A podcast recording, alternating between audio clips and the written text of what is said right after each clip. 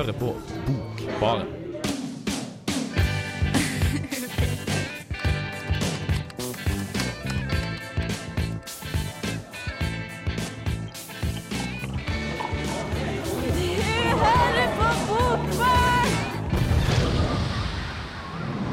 Du hører på Bokbaren. I dag skal vi ha litt forskjellig, og vi har besøk i studio også. Eh, Vi skal fortelle deg om Tonje Røds skjønne utsikter fra i vår, Norman Mailers 'Slottet i skogen' og Marte Hukes nyeste diktsamling 'De fire årstidene'. Eh, Vi har hjernen bak bloggen Poesi fra do wordpress.com i studio, og hun skal fortelle oss om hennes konsept og om eh, dodørspoesi egentlig kan kalles poesi. Men først så skal du få 'Apathy' av eh, Michael Cronin.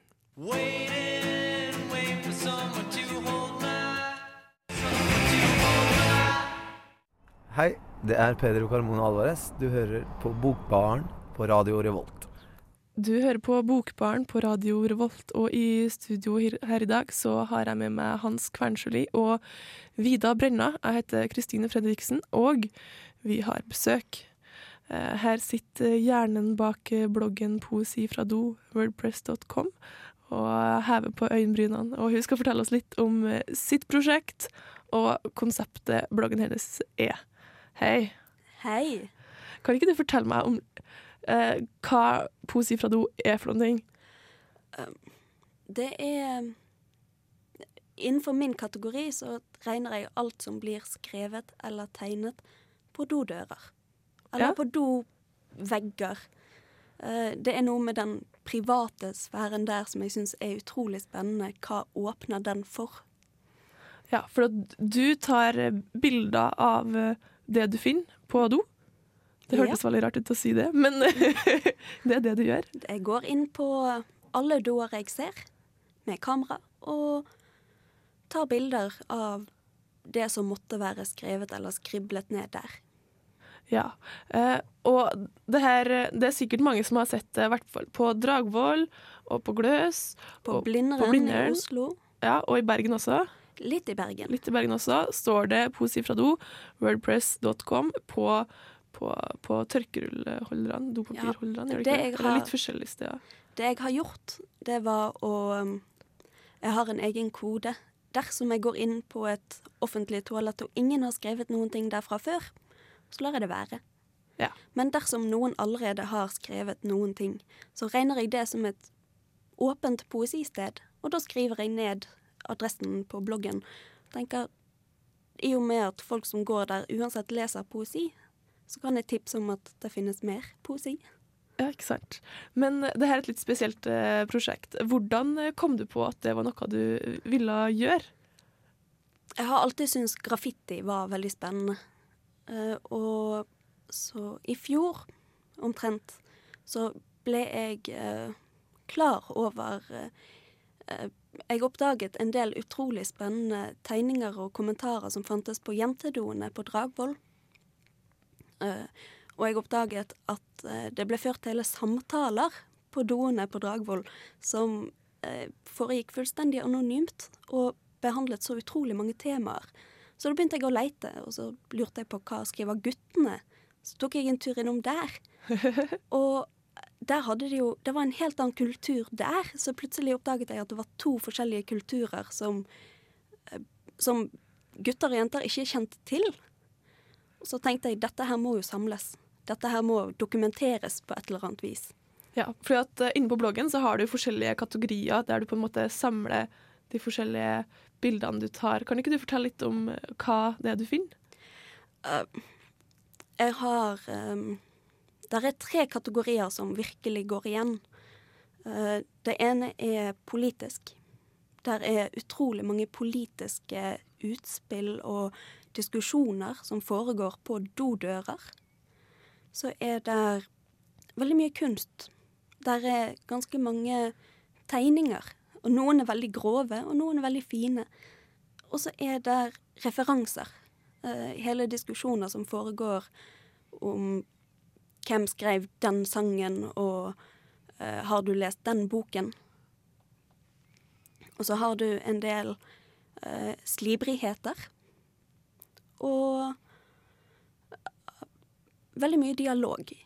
Mm. Har du noen eksempler på det her? Har du noen sånn topp tre-liste over morsomme ting eller spesielle ting? Ting som på en måte er godt? Der er litt for mange til å kunne velge topp tre. Men uh, du har for eksempel uh, Hvis jeg skal komme med et kunsteksempel, så på en av guttedoene på Dragvoll så er det noen som har tegnet først eh, en Ku Klux Klan-tegning. Men så er det noen som har gått tilbake igjen og tegnet over den og gjort den Ku Klux Klan-tegningen over til Chewbacca fra Star Wars. Jeg syns den er fin. Så har du en litterær referanse som på mange måter var den som kickstartet prosjektet mitt, som er fra en jentedo, eh, der noen i, en lang rekke med båser midt i så har noen skrevet eh, 'Mysteriekammeret er i den andre båsen', og så en pil, som er en veldig tydelig referanse til den andre Harry Potter-boken. Ja, men det her er på en jentedo på Dragvoll, ikke sant? For Ja. den der har jeg sett. Der har jeg vært. Hadde du flere ting med på som er sånn morsomt? Der er, der er så mange. Ja, men eh, det vi skal snakke litt mer om etter hvert, er om eh, det her kan eh, kalles poesi, eller om det kan kalles kunst. Eller hvordan skal man definere det som skrives på, på veggene på do. Men eh, først så skal vi høre Splash Girl, Ravine.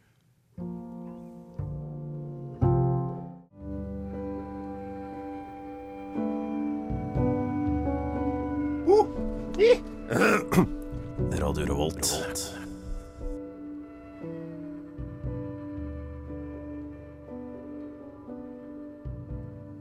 hører på Bokbaren, og vi har eh, besøk i studio. Her sitter hjernen bak eh, poesi fra do, wordpress.com. Og eh, vi skal prate litt mer om hva som skjer på dodørene. Eller hva som skjer på do. Nei, det skal vi ikke prate om. Vi skal snakke om hva som skjer på dodørene.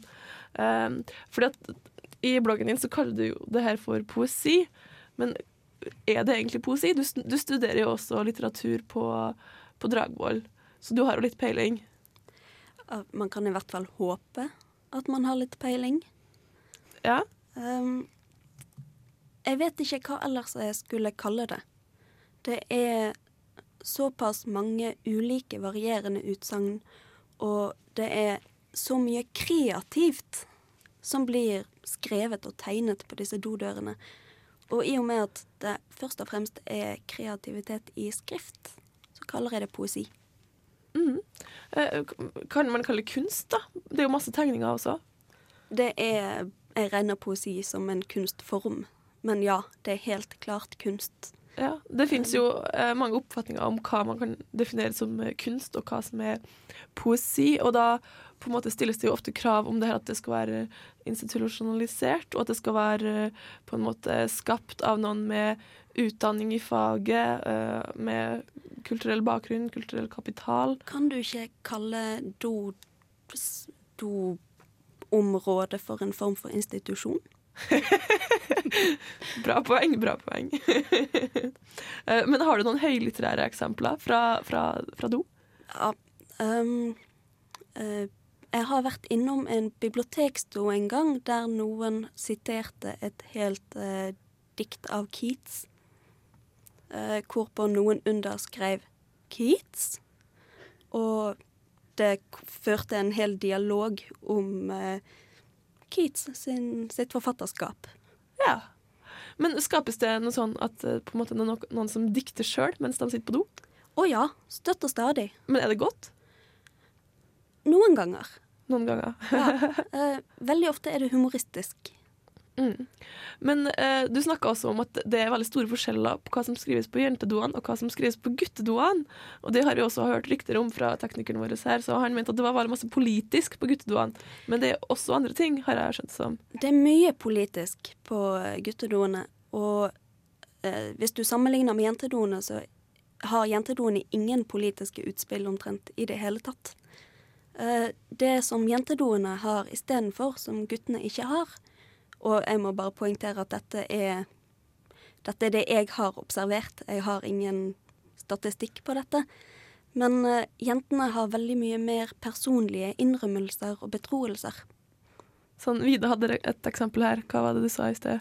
Jeg tenker en litt sånn typisk jenteting ville være å, å skrive um, 'Hvorfor elsker meg, han meg ikke?' 'Gi meg tips og råd til hvordan jeg skal få drømmemannen'. Litt der, sånn, da. Der fins mange av de, det er helt sant. Men da, ja, da er det jo en direkte sånn oppfordring til de andre jentene om å delta, da. Er Og- det det på guttedoen òg? Eh, Det er også en ting ved jentedoen. Der er eh, Mens guttene har lange politiske diskusjoner, så har jentene lange betroelsessamtaler der eh, en veksler erfaringer og det, Dette med de private betroelsene er noe av det jeg syns er mest spennende, egentlig, fordi det viser så veldig hvor privat den sonen dodører er. Eh, alt kan diskuteres der. Ja, Så da kan man få seg til å skrive hva som helst. Nettopp. Eh, men altså, eh, på guttedoene så er det ikke bare politikk, det er også en god del slibrigheter. Det er ganske mye slibrigheter.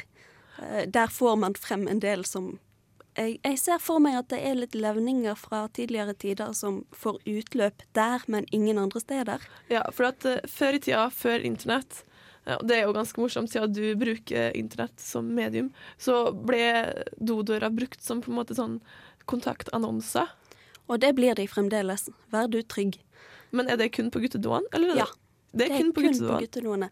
Og jeg synes um, noen av de er ganske åpenbare. Det er veldig mange kontaktannonser om eh, homosex. Det er det? Det er mange av de. Og så er det noen få eh, Der er én som er direkte rettet eh, 'Kjære jente, jeg vil ha deg'. Eh, som er da skrevet på en guttedo. Den virker litt malplassert. Men så har du også sånne tilfeller som eh, Der er én jeg har funnet der det står eh, eh, 'Hvordan få studentfitte'. Tips. Hilsen 40 år gammel mann. Var det noen tips? Ja, den har fått svar. Spør noen. Spør en student. Spør en student. Ja. Godt tips. Ja, ja. OK. Nå er det nok om do, tror jeg. Tusen takk for at du kom i studio. Jo, takk for å komme. Og alle sammen, følg med på fra do, wordpress.com, og se hva som eh, skjer på enten guttedoen eller jentedoen, avhengig Eller av begge. Eller begge, ja. Avhengig av eh, hvor du bruker å oppholde deg sjøl når du sitter på do. kan du følge med på hva andre skriver. Eh, Vida, du sitter her nå og har med deg bok. Det har jeg, og den handler egentlig litt også om det man egentlig gjør på do. Og det vil jeg gjerne snakke litt mer om etterpå, men den heter i hvert fall eh, Tonje Eller den er skrevet av Tonje Rød, og den heter 'Skjønne utgifter, utsikter'. Utgitt på oktober eh, i år. Ja, Mm. Da tror jeg egentlig at vi bare skal høre på den. Men uh, først så kommer 'Scary Part' av uh, Cobert, eller Cobert, eller hva skal man kalle det? This is a scary part. Tittelen på Tonje Røds tredje bok lover godt. Skjønne utsikter er noe de fleste ønsker seg. Skjønne utsikter er altså lovnader om noe godt. Men boken er i bunn og grunn en fortelling om tafatthet, mistrivsel og et intenst ønske om å bli noe skjønt. Og hvordan det mislykkes grundig. Hovedpersonen Emma har tilsynelatende fått alt hun har drømt om. Hun er relativt ung, hun er nygift og har akkurat flyttet til Venezuela for å være hjemmeværende mens mannen jobber i et oljeselskap. Emma har privatsjåfør, stor leilighet og ubegrenset med penger. Hun kan utdanne seg, hun kan reise, og hun kan gjøre det uten å i det hele tatt bekymre seg for penger.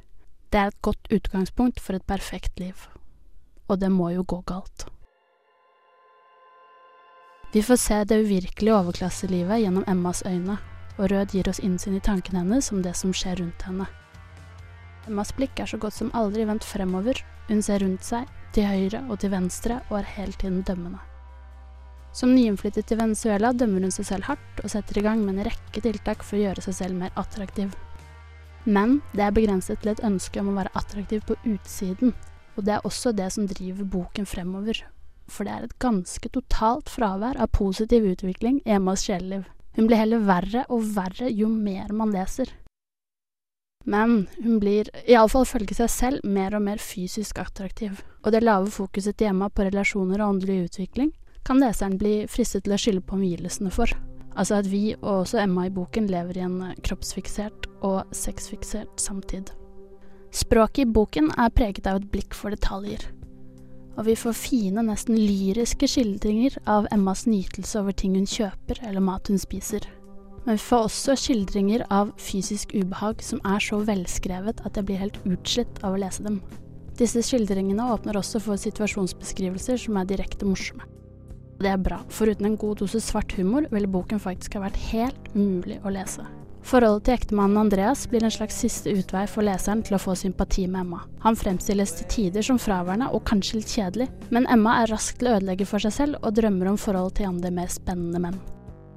Rød bygger så Andreas opp igjen og gir han kvaliteter man ikke kan mislike, og så gir hun Emma ditto dårlige egenskaper. Karakteren Emma har gjort meg kvalm og dårlig, irritert og oppgitt, og etter å ha lest siste side pustet jeg lettet ut, for jeg var så grundig lei av Emma. Men jeg leste jo til siste side, heldigvis, for Skjønne utsikter beskriver en historie så meningsløs og grusom at selv om jeg helst ville det, så er det faktisk helt umulig å se vekk fra den. Hei, dette er Jostein Gaarder. Du hører på Bokbaren i Radio Revolt. Vi snakker om skjønne utsikter. Det gjør vi. Det Ja. er jo um, Ja, det var en god bok, altså. Jeg er veldig fornøyd med å ha lest den. Samtidig så er jeg helt utslitt. Ja. For det er jo ikke bare koselig.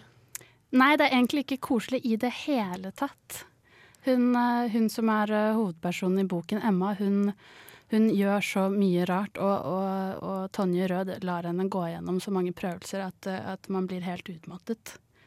Um, det jeg vil si i tillegg til det jeg sa nå i stad, er, er at hun, hun er på en måte I tillegg til å være um, en sånn estetisk person, at hun blir skrevet som en, en vakker dame, at hun går sånn en vakker utvikling i møtet gjennom boken, så, så beskriver det en veldig fin sånn kroppslig eh, eh, sånn aspekt ved Emma, som handler om hvordan Emma Uh, har luft i magen, og hvordan hun, hun må tisse hele tiden. Apropos dodørspoesi. Ja, akkurat. Det var derfor jeg kom til å tenke på det. Fordi det, det blir et sånn veldig fint spill mellom, mellom alle de plastiske operasjonene Emma går gjennom, og, og alt, hvordan hun strever mot å være vakker, samtidig som så tar hun seg en øl, og så får hun luft i magen, og så bare raser hele det der bildet hun prøver å bygge opp av seg selv som, som en skjønnhet sammen, da. Mm. Eh, det er jo visse likhetstrekk til Madame Bovary av eh, Flaubert. Eh, hovedpersonen heter Emma. Eh, hun er plassert som på en måte et påheng til mannen sin, og har på en måte ikke noe innhold eh, i hverdagen. Ikke jobb, eller noe som på en måte er et prosjekt som opptar henne. Eh, var det noe du tenkte på når du leste boka? Ja, det var det. Og så ble jeg sittende og tenke på om, om den kvinneskikkelsen har en relevans fortsatt, altså i vår samtid. Og jeg kom vel frem at det har den jo. Fordi at eh, her lesser forfatteren på med alt som har kommet de siste 250 årene i liksom, eller 150 årene, eller hvor mye det er, eh, i eh, liksom skjønnhetsteknologi. Man, hvor langt kan man gå for å bli vakker? Hva, til hvilke ekstreme skritt kan hun presse hovedpersonen sin um, for at hun skal uh, gjennomgå en forandring? Mm.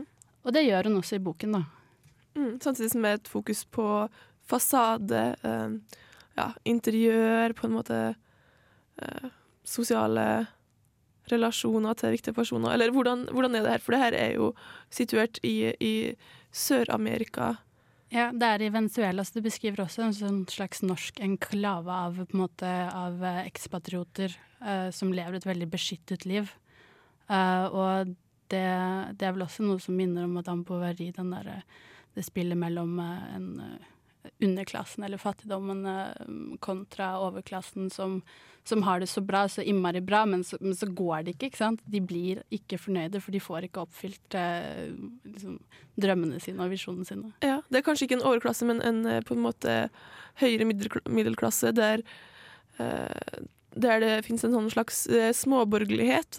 og det er jo kanskje innbakt i det her en viss sånn samfunnskritikk. Ja, samt, nei, det er jo ikke overklasse, og, og Emma er jo også uh, uutdannet, ikke sant.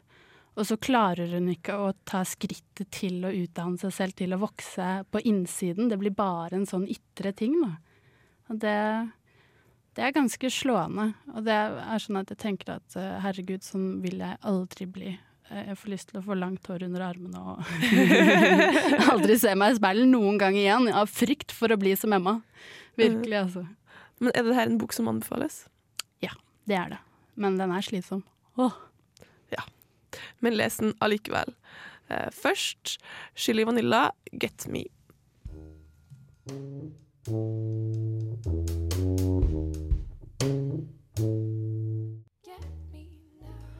Det her var Chili Vanilla, Get Me. Uh, vi har snakka om skjønne utsikter, og nå skal vi bevege oss til ja, mer eh, kjærlighet. Jeg vet ikke om vi skal trekke noen sånn felles, eh, felles link mellom det vi snakka om, det vi skal snakke om nå, for nå skal vi snakke om eh, Marte Hukes fjerde diktsamling 'De fire årstidene'. Sist torsdag, altså torsdag den 22. september, var det lanseringsfest i Trondheim. Det har vært en før i Oslo, men nå var det i Trondheim, på Credo, der diktsamlinga til Marte Huke ble presentert, og også sammen med Ingrid Stolholmen og hennes diktsamling 'Til kjærlighetens pris'. De har uh, samarbeida en del med sine ja, respektive diktsamlinger, eh, og har begge to skrevet i Berlin og utveksla tanker og ideer. Og det kan ses at de er, ja, har visse fellestrekk. Det her handler om eh, kjærlighet og forhold, forhold mellom mennesker. Og det handler om eh, Ja, hos Marte Huke, da, så er det årstidene, deres skiftninger, eh, en hage, blomster, botanikk, flora. Eh, så Men eh, her i dag så skal vi kun få en forsmak på det som presenteres i de fire årstidene. Det kommer mer neste gang, og da kommer det også om Ingrid Storholmen og hennes diktsamling. Marte Hukes diktsamling den er i sju deler. Det er fire årstider, men de er spredt utover sju deler. Ting går i oppløsning. eh, De glir over i hverandre og blir uforutsigbare. Linka trekkes til musikk. Det er altså Tittelen spiller jo på eh, de fire årstidene av Vivaldi. Eh, Og det er skjørt, nostalgisk, og det er også elementer av dialoger der et kjærlighetsforhold holder på å gå i oppløsning.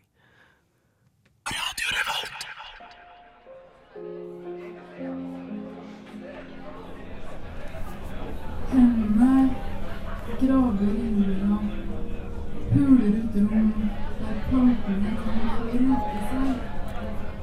Så får tid med.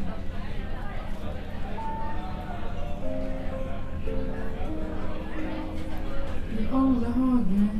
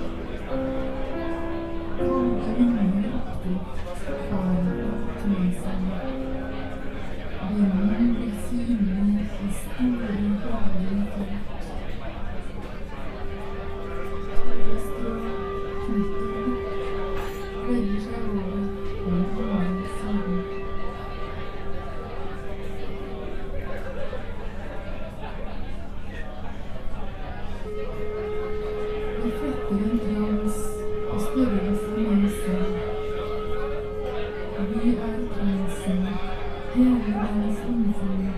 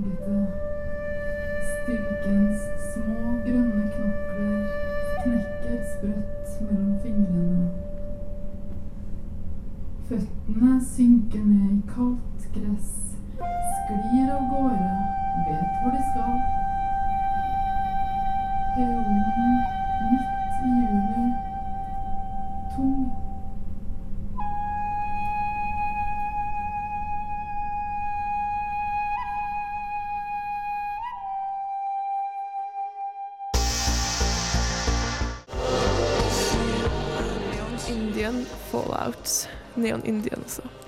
Eh, Nå har vi hørt eh, Marte Huke sjøl, som har lest fra De fire årstidene, hennes nyeste diktsamling. Og nå skal vi høre Hans her. Han sitter i studio her, Endelig. endelig. Og han skal snakke om eh, Norman Mailer, 'Slottet i skogen'. Jeg skal jo forsøke å si noe fornuftig om boka, i hvert fall. Ja. Hvordan var leseopplevelsen? Um, Er du fornøyd?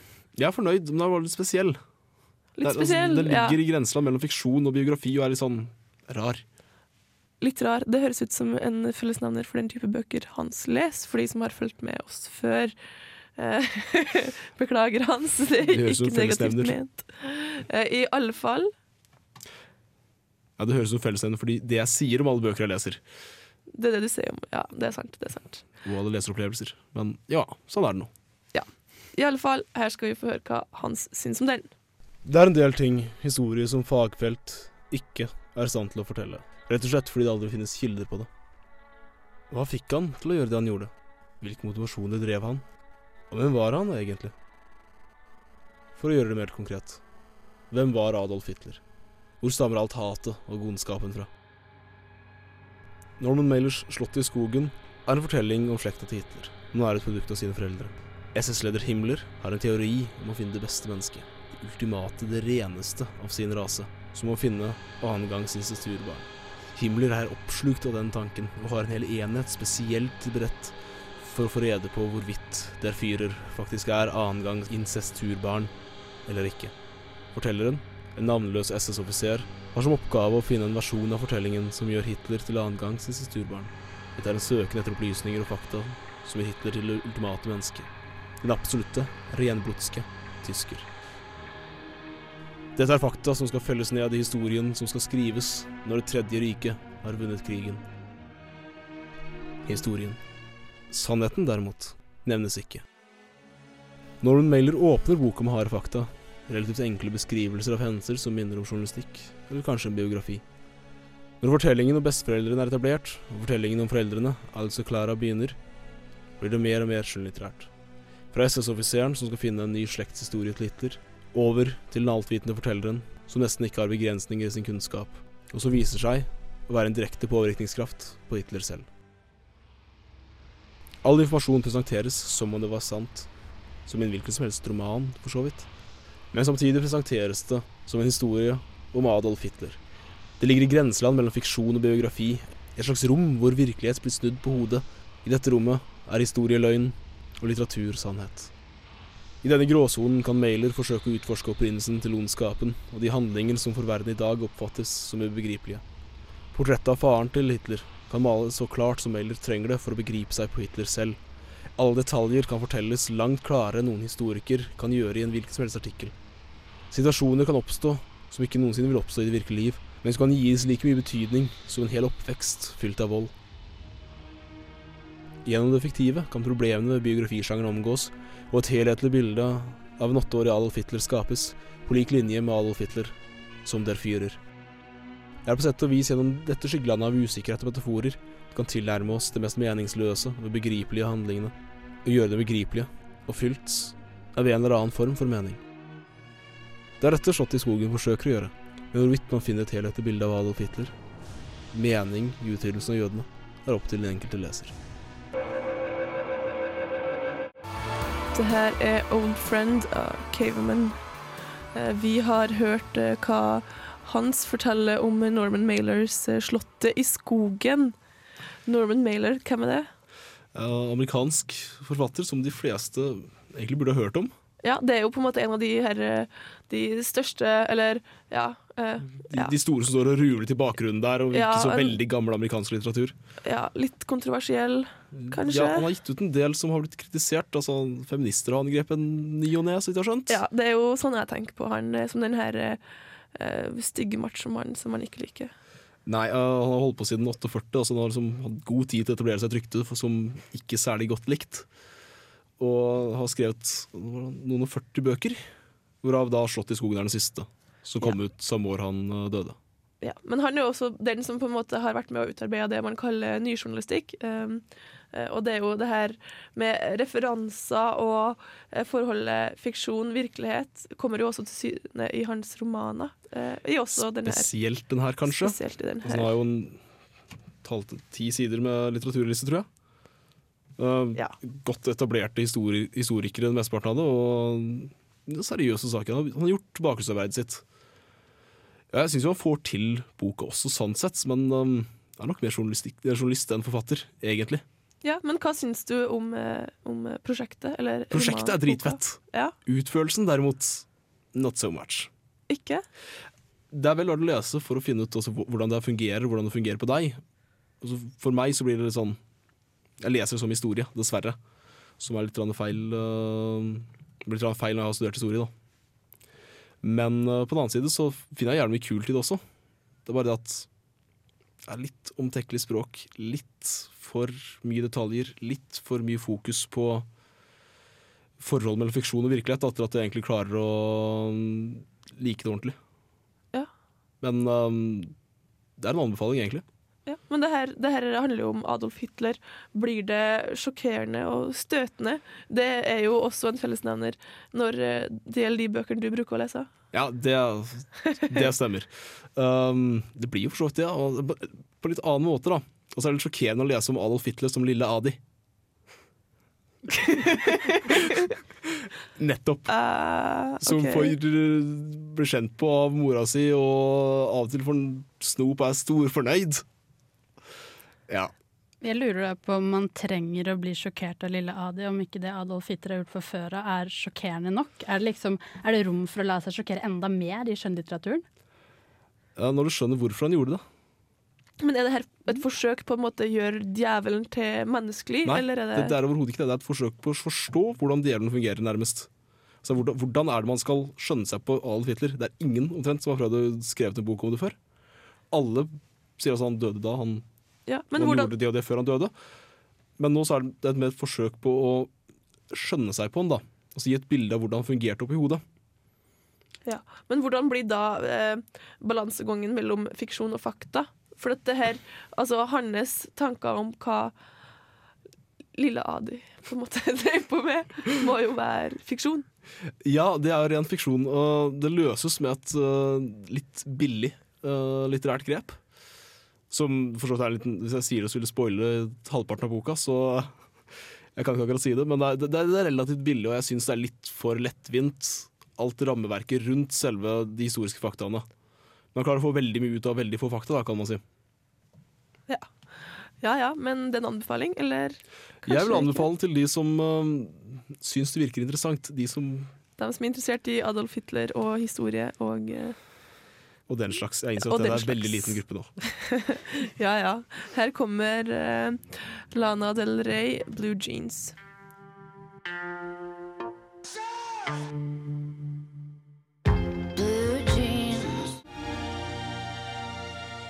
Ja, hallo, ja, du. Trondheims eh, vakre fjell og Nidelv ja, Det er Tore Renberg her. Dette er studentradioen i Trondheim. Og du er jævlig heldig som hører på den. Det er du, og du er jævlig heldig som også har hørt på ei eh, ny sending av Bokbaren. Den nærmer seg nå slutten med stormskritt. Eh, I dag så har vi hatt eh, besøk av hjernen bak bloggen Poesi fra do, wordpress.com, og um, hun får mail fra hele landet med bilder som dere Så hvis dere har noen sånn Hvis det er en do der du har sett et helt sjukt bilde, et eller annet, ta bildet og send det til poesifrado at gmail.com. Jeg har snakka om Marte Hukes nyeste diktsamling, De fire årstidene. Dere har fått en smakebit. Det blir mer om det neste gang. Eh, Vida har presentert 'Skjønne utsikter' av Tonje Rød, og Hans har hatt om Norman Mailers 'Slottet i skogen'. Neste gang blir det altså Ingrid Storholmen, Marte Huke, kanskje Audun Mortensen og kanskje Stig Sæterbakken, så følg med. Sammen med meg i studio har jeg Hans Kvernsjøli, Vida Brenna, jeg heter Kristine Fredriksen, og tekniker har vært Bendik Bolme. Her kommer Anthony and the Johnsons, som kommer til uka. I'm in love.